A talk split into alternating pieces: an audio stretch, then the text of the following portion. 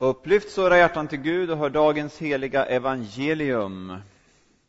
Så skriver evangelisten och aposteln Matteus. Fariseerna gick bort och kom överens om att försöka få fast Jesus för något han sade. De lät sina lärjungar och några av Herodes anhängare söka upp honom och säga Mästare, vi vet att du är uppriktig och verkligen lär oss Guds väg. Du faller inte undan för någon och ser inte till personen. Säg oss vad du anser. Är det rätt eller inte att betala skatt till kejsaren? Jesus märkte deras onda avsikt och sa Hycklare, varför vill ni sätta mig på prov? Visa mig ett mynt som man betalar skatt med. De räckte honom en denar och han frågade Vems bild och namn är det här? Kejsarens, svarade de. Då sa han till dem Ge då kejsaren det som tillhör kejsaren och Gud det som tillhör Gud. När de hörde detta blev de häpna. De lät honom vara och gick sin väg.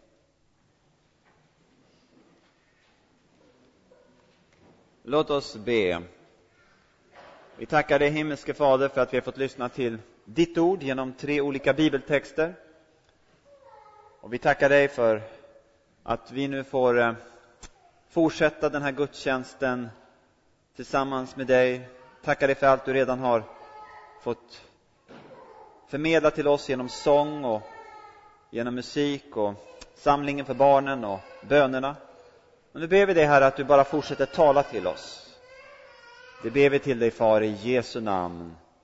Amen. Amen. Ja, eh, jag gör undan den lite grann. Hör ni mig förresten? Bra, hoppas jag. Jajamän. Och eh, om vi tittar då på den här söndagens tema samhällsansvar så är det mycket intressant att starta i den gammaltestamentliga texten.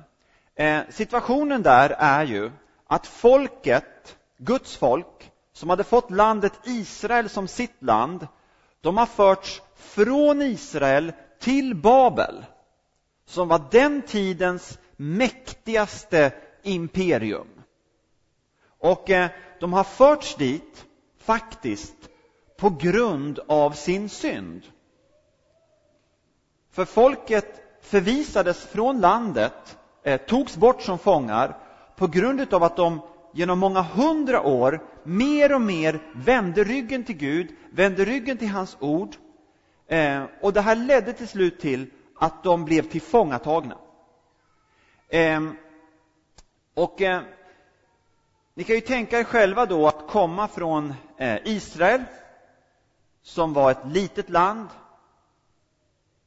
och komma till Babel, den tidens mäktigaste imperium. Lite grann som att tas från nordvästra Kiruna till New York City.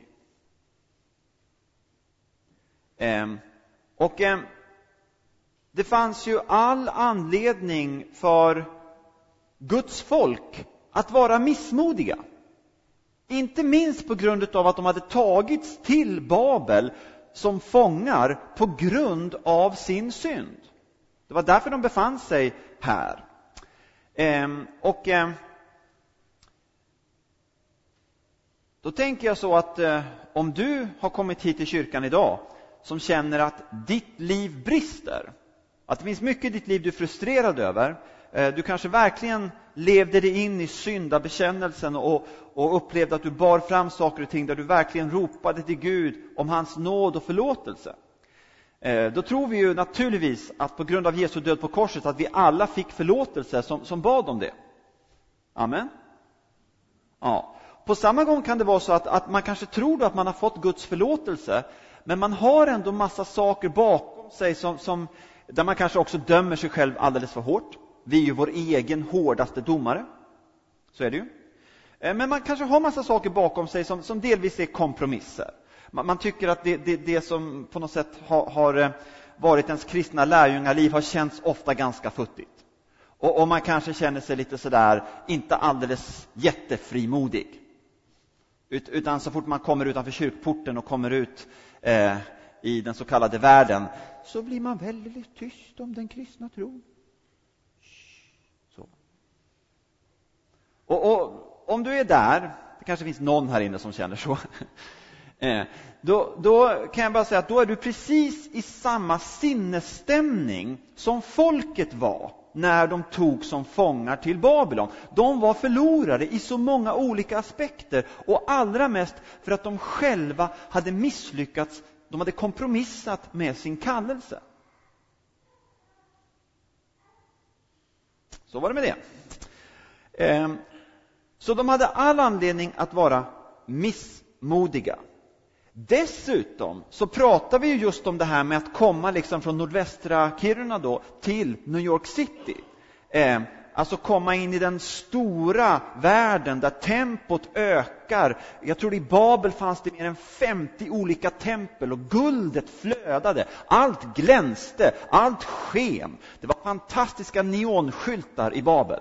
Det var underbara Mercedes, ni vet, det var, det var liksom stora plattskärms-tv, det var allt det här. Och det var, det var, de var liksom inte riktigt vana vid det här. Så, så det fanns ju all anledning att utifrån den aspekten också vara defensiv. Är ni med? Och eh, det är då som Jeremia skriver till dem och har fått en hälsning från Gud själv till folket. Och jag tror, och jag vågar tro, att det här är en hälsning till dig och mig. Så här skriver han ju, vi hörde det nyss. Eh, bygger hus, hu, hus. bygger hus och bo i dem. Plantera trädgårdar och ät frukten från dem. Ta er hustrur och, och få söner och döttrar. Bli fler, inte färre. Gör allt för den stad jag har deporterat er till för att den ska blomstra. Mm. Jag menar, det naturliga som vi kanske hade kunnat tänka oss, det var liksom att, att det här hälsningen skulle ha varit, ja, ni misslyckades verkligen. Ni kanske har en liten chans nu, ni kanske snart ska få komma tillbaka, men nu gäller det att vara defensiv här. Ni vet, det är en farlig värld ni har kommit till. Kryp ihop nu, ta det lugnt, gör inga misstag, ligg lågt. Och istället så kommer en, en underbart eh, offensiv, frimodighetsingivande och förlösande uppmaning från Jeremia som ju väldigt mycket vilar på Guds nåd, eller hur? För grundbudskapet under är ju att Gud älskar er fortfarande. Gud har förlåtit er. Gud vill varenda dag förnya kallelsen. Gud vill ge er frimodigheten tillbaka. Amen. Amen. Jag fick ett amen, tack. Nej, jag tror säkert att det lät som ni var med. Ehm, så där då tar vi ehm, vår början. Ehm, och eh, samtidigt då så är det ju väldigt lätt att förvandla nu det här jag sa som kanske var lite medryckande. Det är ju lätt att liksom ta det som någon slags, okej okay, Hans, vi tar det som lite positivt tänkande nu då. Eh, det låter positivt, vi ska tänka positivt. Eh, jajamän, det ska vi vara. Och så kommer vi ut i den så kallade världen och går ut genom kyrkporten. Eh, och, och, så kommer de första utmaningarna eh, och så eh, misslyckas vi ännu en gång och så var det slut på det positiva tänkandet. Och därför så tror jag att vi måste grunda den här uppmaningen något djupare. Eh, och eh, när jag bad kring hur vi skulle göra det idag så tänkte jag, varför inte ta hjälp av Guds ord? Det låter väl bra? Och eh, då en person som verkligen levde det här livet som Jeremia talar om, det var ju profeten Daniel. Och jag tror profeten Daniel har väldigt viktiga nycklar att ge till dig. Och det viktiga för att du ska kunna ta emot det här, det är inte hur bra du har levt fram till idag. Utan det viktiga för att du ska ta emot det här, det är om du själv vill bestämma dig för att ta emot det här idag. Det var väl avancerat? Otroligt komplicerat. För allt är nåd. Gud älskar dig. Så om du sträcker ut din hand och säger, men vänta Hans, det där vill jag ta emot. Och vill du ta emot det, känner du en längtan att ta emot det här, så tror jag faktiskt att det är den helige Ande Och inte bara att du drömmer lite önsketänkande nu när du kom till kyrkan på söndag. Utan att det är den helige Ande som vill ge dig en kallelse, förnya en kallelse eller ge den första gången.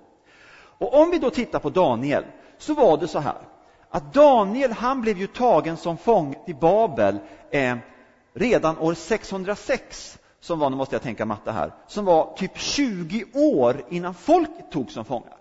Han var så första gruppen som togs från typ nordvästra Kiruna till New York City. Och varför?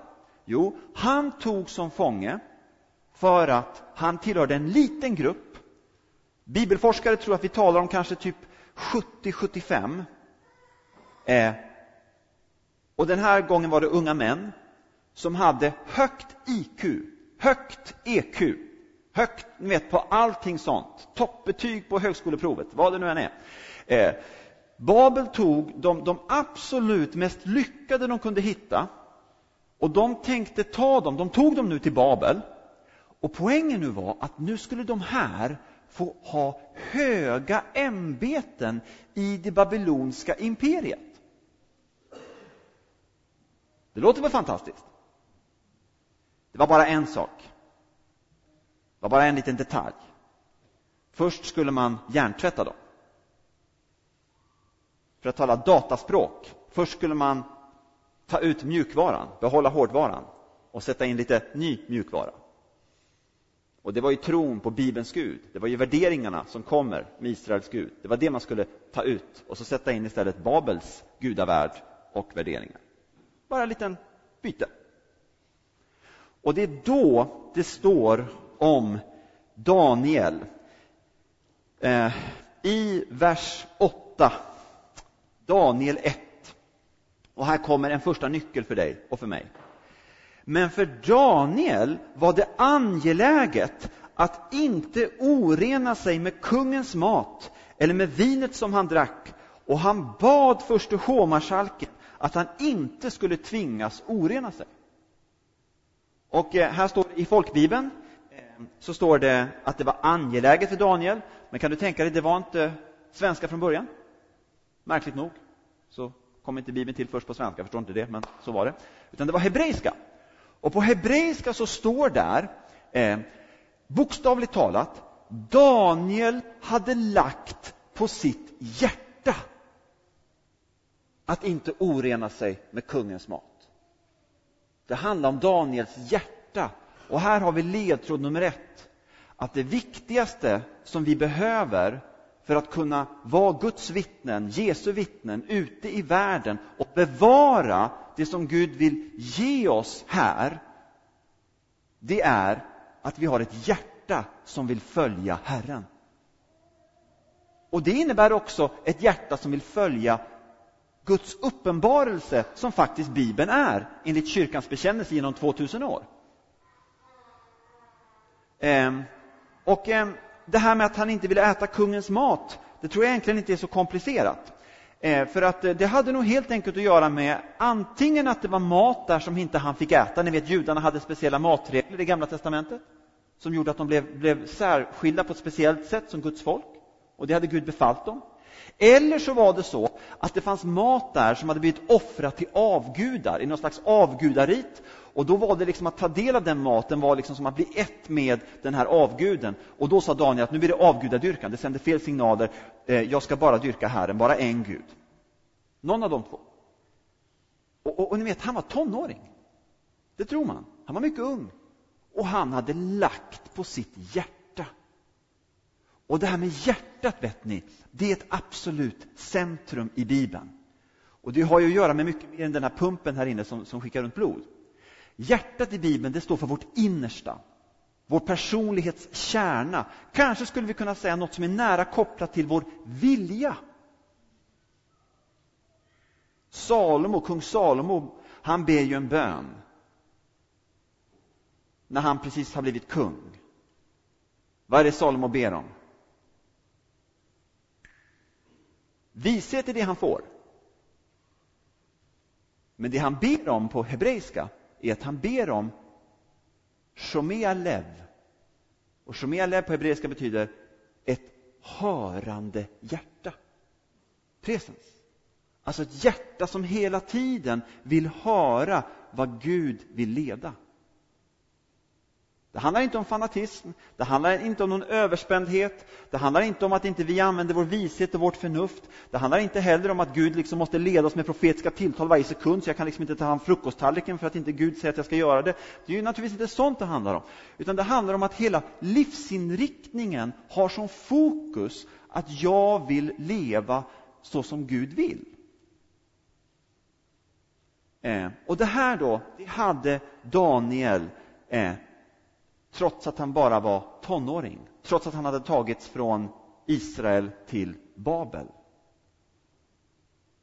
Och han var beredd att riskera sitt liv. För han visste, vet, märkligt nog kan, jag, kan du tänka dig, så hade Daniel inte läst Daniel 1. Visst är det konstigt? Men det berodde helt enkelt på att det inte hade hänt än. Det hände just när, när, när han var med om det. Så han visste inte hur det skulle sluta. Han var så beredd att riskera sitt liv. Så viktigt var det för honom att följa Bibeln, följa Guds ord. Och nu handlar det inte om någon detalj i Guds ord, utan det handlar om någonting som var allmänt vedertaget, det judiska folkets förståelse av typ matregler och att bara ha en Gud. Amen. Och då tänker jag så här, kan det vara så att det här är en påminnelse till dig idag? Att om du ska kunna vara ett Jesu vittne i världen så behöver du äta mycket av Guds ord. Jag pratar inte om ryggsäck, jag pratar inte om lag och krav, jag pratar om möjlighet och något som ger dig själv så mycket liv för din ande. Tror du att det är så att, att, att, att Gud tycker att Bibeln är viktig? Tror du det är så att Gud vill hjälpa dig att äta hans ord?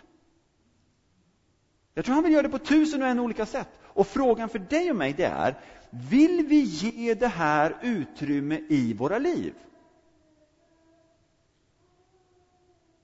Nu finns ju Bibeln på tusen olika sätt, eller hur? Den finns till och med på iPhone, för er som är moderna och kunniga på sånt här. Jag kan inte så mycket om det här, jag är ganska dum på sånt här, men, men ja, jag, jag, har hittat Bibeln här, så den, den har jag. Perfekt. Apotekskön kan man ta sig lite bibelord. Sitter på bussen, två minuter istället för att titta ut genom ett fönster. Det är underbart det också, men jag kan ju ta en minut till ett bibelord.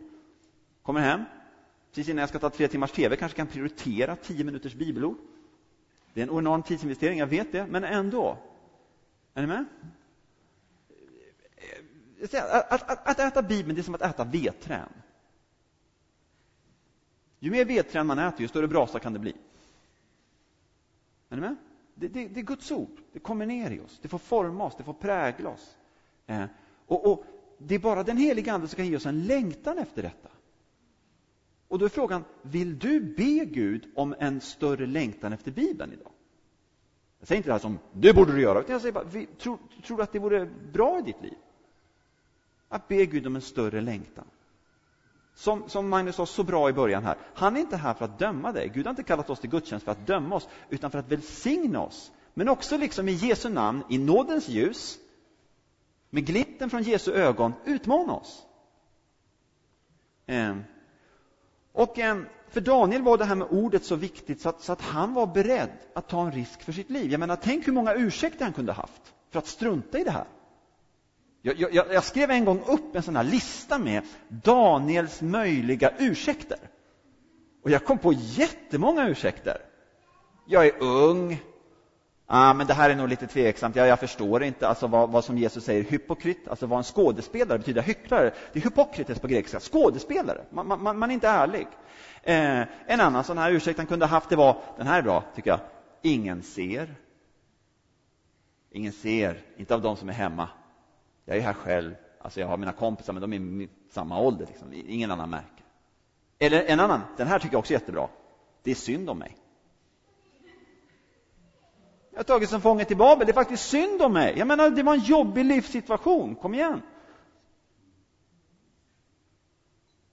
Men han valde den här vägen. Och jag tror att det är en nyckel för samhällsansvar. Att ska vi kristna kunna ta ett samhällsansvar så behöver vi ta det fyllda av Guds ord. Och eh, om man då eh, tar ett steg vidare så kan man se att Daniel han var mycket inkännande. Han hade EQ som ni kommer ihåg. Så, alltså, han, var inte, han ställde sig liksom inte upp på en stol och sa så här till babylonierna. Hör, jag ska följa Herrens ord, jag äter inte av den där förskräckliga maten. Så gjorde han inte. Utan det används hebreiska ord som, som har att göra med liksom att Daniel hade antenner. Han var lyhörd. Så, så när, när, han förstod, vänta nu, jag kan inte äta den här maten, så viktig Guds ord för mig, då tog han tag i en kärna och sa, du, ursäkta, men, men vet, jag, jag, kan inte äta den här maten. Och den här kärnan sa, men du måste äta den här maten, om du inte äter den här maten, vet du, då, då har de ihjäl mig också, liksom, kom igen. Och då sa, men ta det lugnt, ta det lugnt, ta det lugnt. Vi, vi, vi tar lite test, vet du. Vi, vi, vi testar bara, jag har tre kompisar här, vi, vi tänker ungefär likadant. Får vi käka grönsaker nu en stund och vi slipper det här avgudaköttet, det här som vi inte får äta så, så, så, så, så märker de tio dagar. Och jag lovar dig att om inte vi ser friskare och piggare och gladare ut om tio dagar än alla andra, då går vi tillbaka till det där. Och känner, ja okej då, vi testar. Och så gick det jättebra. Är ni med? Så, så, vi har ofta en ganska stereotyp bild av vad det innebär att vara ett Jesu vittne. Men, men, men, den heliga Ande vill leda oss till att vara dynamiska, vara lyhörda, vara sanna. Och då tror jag att om vi går den vägen så kommer Gud öppna vägar för oss i samhället där vi får favör. Jag var i Strasbourg precis nu den här veckan. Jag säger inte det för att det ska låta fint, utan för att jag var det. Och eh, umgicks med, med en del kristna Europaparlamentariker och, och massa personal runt omkring där. Och eh, där märker man att det finns ett antal Danielstyper som, som, som, som vill följa Bibeln, som äter Guds ord. De samlas och ber. De bjuder in andra Europaparlamentariker på bön, det gjorde de nu i onsdags. De, de, tog dit en person som berättade om den lidande kyrkan runt om i världen och bjöd in människor. Och, och jag såg i plenum, när det var debatt, hur flera av de kristna stod upp mitt, liksom ett hav av människor och, och, och framställde sin sak på ett jättebra sätt. Då tänker jag så här, om de gör det i Strasbourg, de kristna, borde inte vi? Vi delar samma lag. Så var det med det. Fortsätter lite till. Eh, orkar ni lite till? Ni är snälla. Och eh, då, eh, en koppling till till det här med samhällsansvar då, det har vi i, i eh,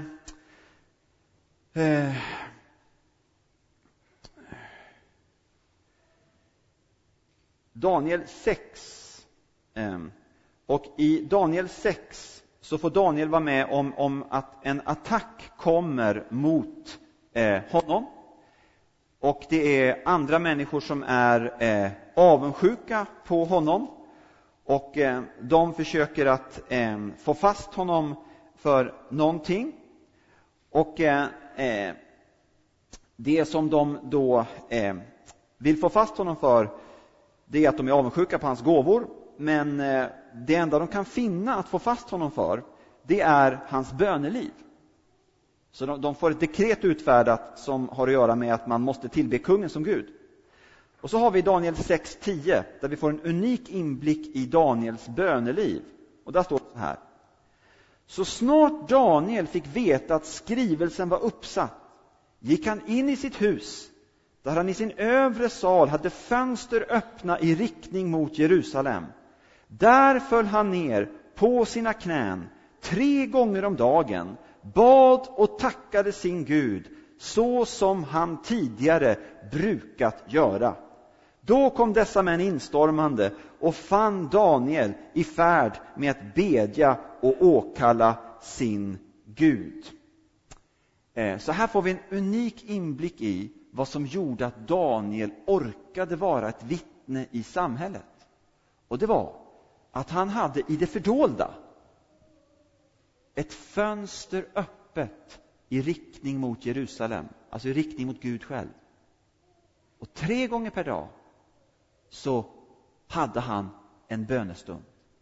Och det här, mina vänner, det var ju mitt i världen. Det var ju, han, han var, hade ju ett enormt högt ämbete eh, i det babyloniska imperiet. Så det här innebar att i centrum av det babyloniska imperiet så fanns det ett bönealtare där bönens eld brann. Och en gång får Daniel se i en vision himlen. Och eh, när han får se himlen i en vision då ser han att från strömmen, eh, från tronen, så utgick det en ström av eld. Andens eld.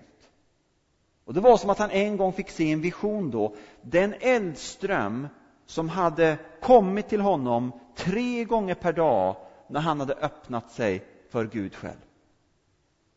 Och vet du vad jag tror? Jag tror att det är samma Gud idag. Tror du det? Och sen tror jag dessutom att det är så här att jag tror inte Daniel bad för att vara duktig. Jag tror inte heller Daniel bad för liksom att samla fromma poäng. Jag tror inte heller Daniel bad för att han själv tyckte att han var så from. Tvärtom är han mycket ödmjuk och ber Gud om förlåtelse i Daniel 9. Han visste att han behövde Guds förlåtelse varje dag. Han visste att mycket i hans liv också brast. Jag tror att Daniel bad tre gånger per dag för att det var det enda sättet som han fick kraft att orka vara det vittne Gud hade kallat honom att vara. Jag känner mycket väl igen det här i mitt liv. Jag skulle önska att jag kunde säga till dig så här att jag ber tre gånger per dag för att jag är så from. För att jag är så otroligt karaktärsfast. Tyvärr är inte det sant. Jag ber tre gånger per dag för att jag har under mycket, mycket djup svaghet fått lära mig att jag klarar mig inte annars. Det år jag lärde mig sätta att be tre gånger per dag, det var 2006. Det var det år min storbror dog. Jag berättade lite om det igår. Min storbror dog, hans hjärta sprack. Jag gick iväg till läkaren och jag är hypokondriker, berättade jag också om igår. Jag tror att jag ska dö varje dag ändå, som det räcker, liksom. hitta på en ny dödlig sjukdom varje dag. Och eh, så fick jag reda på att det läckte från en hjärtklaff. Och en normal person hade gått därifrån och sagt, ja men det gör ingenting. De, de sa ju själva att det är ingen fara, de kanske behöver operera om ett tag, men liksom, det är lugnt. Men jag gick därifrån och kände att det var som att djävulen själv hade satt en luger mot tinningen på mig och sa, vi spelar rysk roulette så ser vi vilken dag som du dör. Än idag har jag svårt att somna på den sidan. Men under första året hade jag ska inte överdriva, absolut inte, men, men jag hade ganska mycket dödsångest. Det, det, det, är inte överdrift. Till slut slog mitt hjärta ojämnt, bara för att jag hade ångest. Så det var ganska rejält. Sen blev det mycket, mycket bättre. Och Gud hjälpte. Men du vet, vissa segrar vinner vi inte på tio minuter. Och under det året så lärde jag mig att be tre gånger per dag. Och det var av en väldigt enkelt skäl. Jag klarade mig inte genom dagen annars. Och en bild som jag fick när jag kröp upp som en liten kycklingunge för att be, det var bilden av att vi inte är roddbåtar, vi kristna, som liksom ska vara duktiga i samhället och vi får kämpa på. Nu gäller det att ta mer ansvar och kom igen nu. Då blir man ganska sur efter ett tag, eller hur? Man blir inte minst sur på alla andra som liksom inte gör sin del av jobbet. Så, va? Nej. Fick bilden av att nej, vi är som segelbåtar. Varenda dag upp med Andens segel. Och så får Andens vind föra oss dit han vill.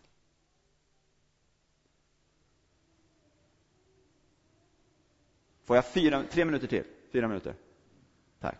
Då ska jag bara avsluta också med att säga att det är ju intressant om man tittar på Daniels liv, på tal om samhällsansvar. Eh, för att eh, vi känner ju Daniel som profeten, eller hur? Vi känner Daniel som den här personen som, som gjorde de här vittnesbörden som, som skakade om det babyloniska imperiet och kung Nebukadnessar, det, det känner du kanske till berörde ju, alltså han, han, han, fick ju beröra de mäktigaste männen och kvinnorna i världen på den tiden. Väldigt, väldigt starkt. Men jag har räknat lite grann på hur många dagar i Daniels liv i Babel nämns inte i Bibeln och hur många dagar nämns i Bibeln. Och då har jag kommit fram till att eh, det här är matematiskt väldigt avancerat. Jag känner mig väldigt stolt över detta. Jag har kommit fram till att det, det jag tror det är uppåt 20 till 25 000 dagar i Daniels liv nämns inte.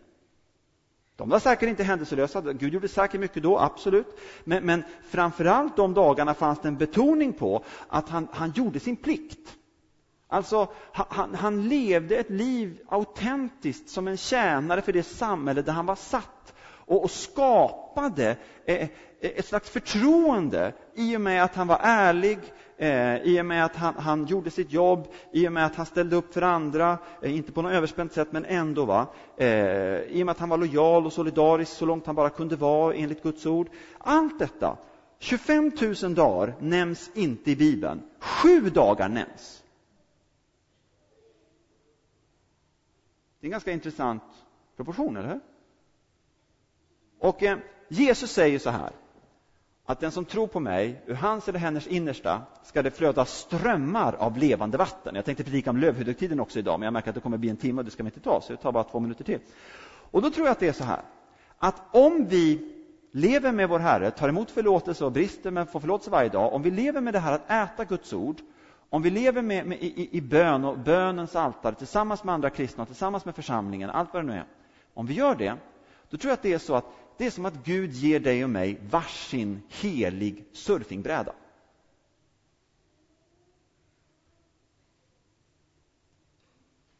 Vad ska man med en surfingbräda till? Jo, jag tror det är så här att, att vi som bär på den helige Ande, det bär du ju på om du tackat ja till Jesus och döpt Jesu namn, då har du den helige Ande. Det kan vara som en liten, liten veke som, som ryker lite grann, det kan vara som en flammande eld. Eh, men, men, du bär på den helige Ande. Och då är det som att vi har en surfingbräda. Och eh, bönen och Bibeln och, och gemenskapen med andra kristna hjälper oss att ha en beredskap och medvetenhet om det här, att vi har en surfingbräda. Och sen vet vi aldrig när vågen kommer. Och när vågen väl kommer, var vi än är i samhället, så vill Gud att vi ska släppa ner surfingbrädan och gå med vågen. Eh, och eh, för mig är det här väldigt, väldigt viktigt att uppmuntra mig med. För att eh, jag tillhör inte de personer som är jätteduktig och har lätt för att vittna för andra. Som jag inte känner. Det kan vara svårt att tro när jag står här, men jag är ganska blyg. De som känner mig nära vet det, absolut, jag är blyg. Det, det, jag tycker det är humor att jag är kallad till det här. Stor humor. Eh, jag är blyg, Eh, jag, jag, pratar med människor som jag inte känner. Eh, liksom det, det, jag kan göra det, men jag måste liksom över en, en, en grej. Det är inte naturligt för mig alls. Och jag skulle önska att jag kunde säga till dig att när jag kommer till flygplatsen till exempel, jag är ganska ofta på flygplatser, och jag, jag ska välja plats på planet, att jag liksom, åh Gud, låt mig sitta bredvid någon så jag får vittna. Och det borde jag göra. Och det är underbart att få bekänna sin synd i en stor gemenskap här. Men jag försöker välja en stol liksom bakom pentryt. Under väskorna, liksom. finns det något sådär? Va? Eh, så här, isolationistiskt drag. Det är inte bra, jag är inte stolt över det. Eh, men det är underbart att få bekänna synden här inför er. Ehm, men ändå så får jag också vara med om att, att man hör den här vågen komma. Och när vågen kommer, då ska vi vara beredda. Och jag tror att den har en koppling till att det här bönealtaret, bönens eld och Bibelns ord får vara i svang i våra liv. Är ni med? För då ökar det vår beredskap. Och bara ett litet, litet exempel som allra sist. Jag satt på ett plan, eh, asocial som vanligt, och hade tagit en plats vid gången. Jag vill alltid sitta vid gången i plan. Jag, jag, jag får klaustrofobi av att sitta i mitten eller vid fönstret. Jag vill kunna liksom sticka snabbt. Det är inte därför, jag, det bara, jag vill sitta vid gången. Jag vill ha fri, fritt utrymme. Ja, och så, kom jag, så hade jag en plats vid gången och så satte jag mig där och så till lite min besvikelse så var det två som satt bredvid mig, både på mittenplatsen och vid fönstret. Och det jag ber om ursäkt att det är så, men, men, lite, ja, ja, men det går bra. Det, det händer ju ganska ofta, man får sitta bredvid, så det är fine. Liksom.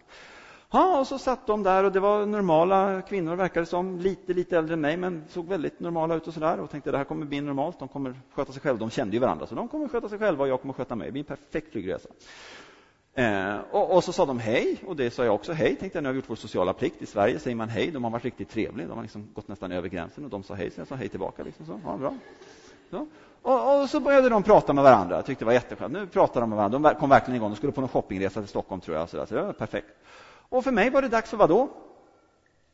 Jo, eh, det var dags för den dagliga bibelläsningen. Hurra för den dagliga bibelläsningen! Nu sprack det nästan i mikrofonen, men det var värt ett hurra för det. Hurra om den helige Ande kallar många här inne att ta en bibel, daglig bibelläsning. Då skulle det vara värt att resa hit fem gånger om. Nåväl, så jag öppnade min bibel och eh, eh, och när jag öppnade Bibeln så någonting hände. Det händer väldigt ofta. Jag har varit med det så många år. När man öppnar Bibeln någonstans mitt ute i samhället, man liksom öppnar Guds ord, någonting händer. Inte alls alltid, men, men, men ofta. Någonting bara förändras i atmosfären. Jag kan säga, det är något, någonting händer, men ja, det är lugnt liksom. Jag läser. Och de börjar prata med varandra. Nu pratar de inte längre om shoppingresan, de börjar prata om mig. Det gjorde mig väldigt störd. Men... och den ena då knackade på min axel och hon sa så här, du ursäkta men vi, vi, vi, vi sitter här och pratar, vi, vi undrar vad du läser. Och det är inte så vanligt att det händer liksom att folk säger så. Jag blev väldigt störd. Så jag sa, ja, så här, jag läser här. Så här, ja, jag läser. Ja, vad läser du för någonting då? Ja, så här, jag, läser Bibeln. Jag tänkte, nu nöjer de sig. Nu har jag sagt Bibeln. Liksom. Bra, nu vet de vad jag läser. Nu är vi klara. Och så fortsatte de konferensen med varandra. så här. Och de verkar inte alls vana vid kyrkan. Det, det var helt uppenbart. Så, så, så knackade hon på mig igen. Du, du ursäkta, men, men vi undrar, vad läser du i Bibeln? Och då gör jag så att jag läser igenom Bibeln på ett år, från perm till perm. Så att vet jag inte var jag ska börja så, så börjar jag alltid där jag var senast. Och det, oftast gör jag bara så. Och just då så var jag mitt inne i Jobs bok. Den perfekta boken för sökare. Inte, eller hur? Det är så underbart allt vi försöker göra, liksom, vi söker, vi filar ner trösklarna, vi försöker modifiera språket och låta lite trevligare än vanligt och kapa ner lite bibelställen så det blir lite lugnare och trevligare. Och sådär, va? Ofta är det precis tvärtom. Jag själv var ju inte troende när jag var tonåring. Det var precis det andra som, som grep mig. Det här lite tuffa, det här lite anstötliga, det här lite... Det var det som, aha, vänta, ni, det kanske finns en Gud ändå. Liksom, för det här, det här bryter ju, det här, oh, det här utmanar ju. Så, va? så då började jag berätta om Jobs bok. Det, det var ingenting att göra. Jag kände vågen kom. Det var bara ner med surfingbrädan. Jag började berätta om en man som lider enormt, en man med enorma frågor, en man med enorm brottning, en man som är nära Gud och, och, och, och som, som, till slut får, får, se Gud med sina blotta ögon, eh, mitt i smärtan, eh, mitt i att han inte förstår allting, eh, men som får möta Guds kärlek ändå på djupet i sitt liv. Och tror ni de var intresserade av det? Det var de. Amen.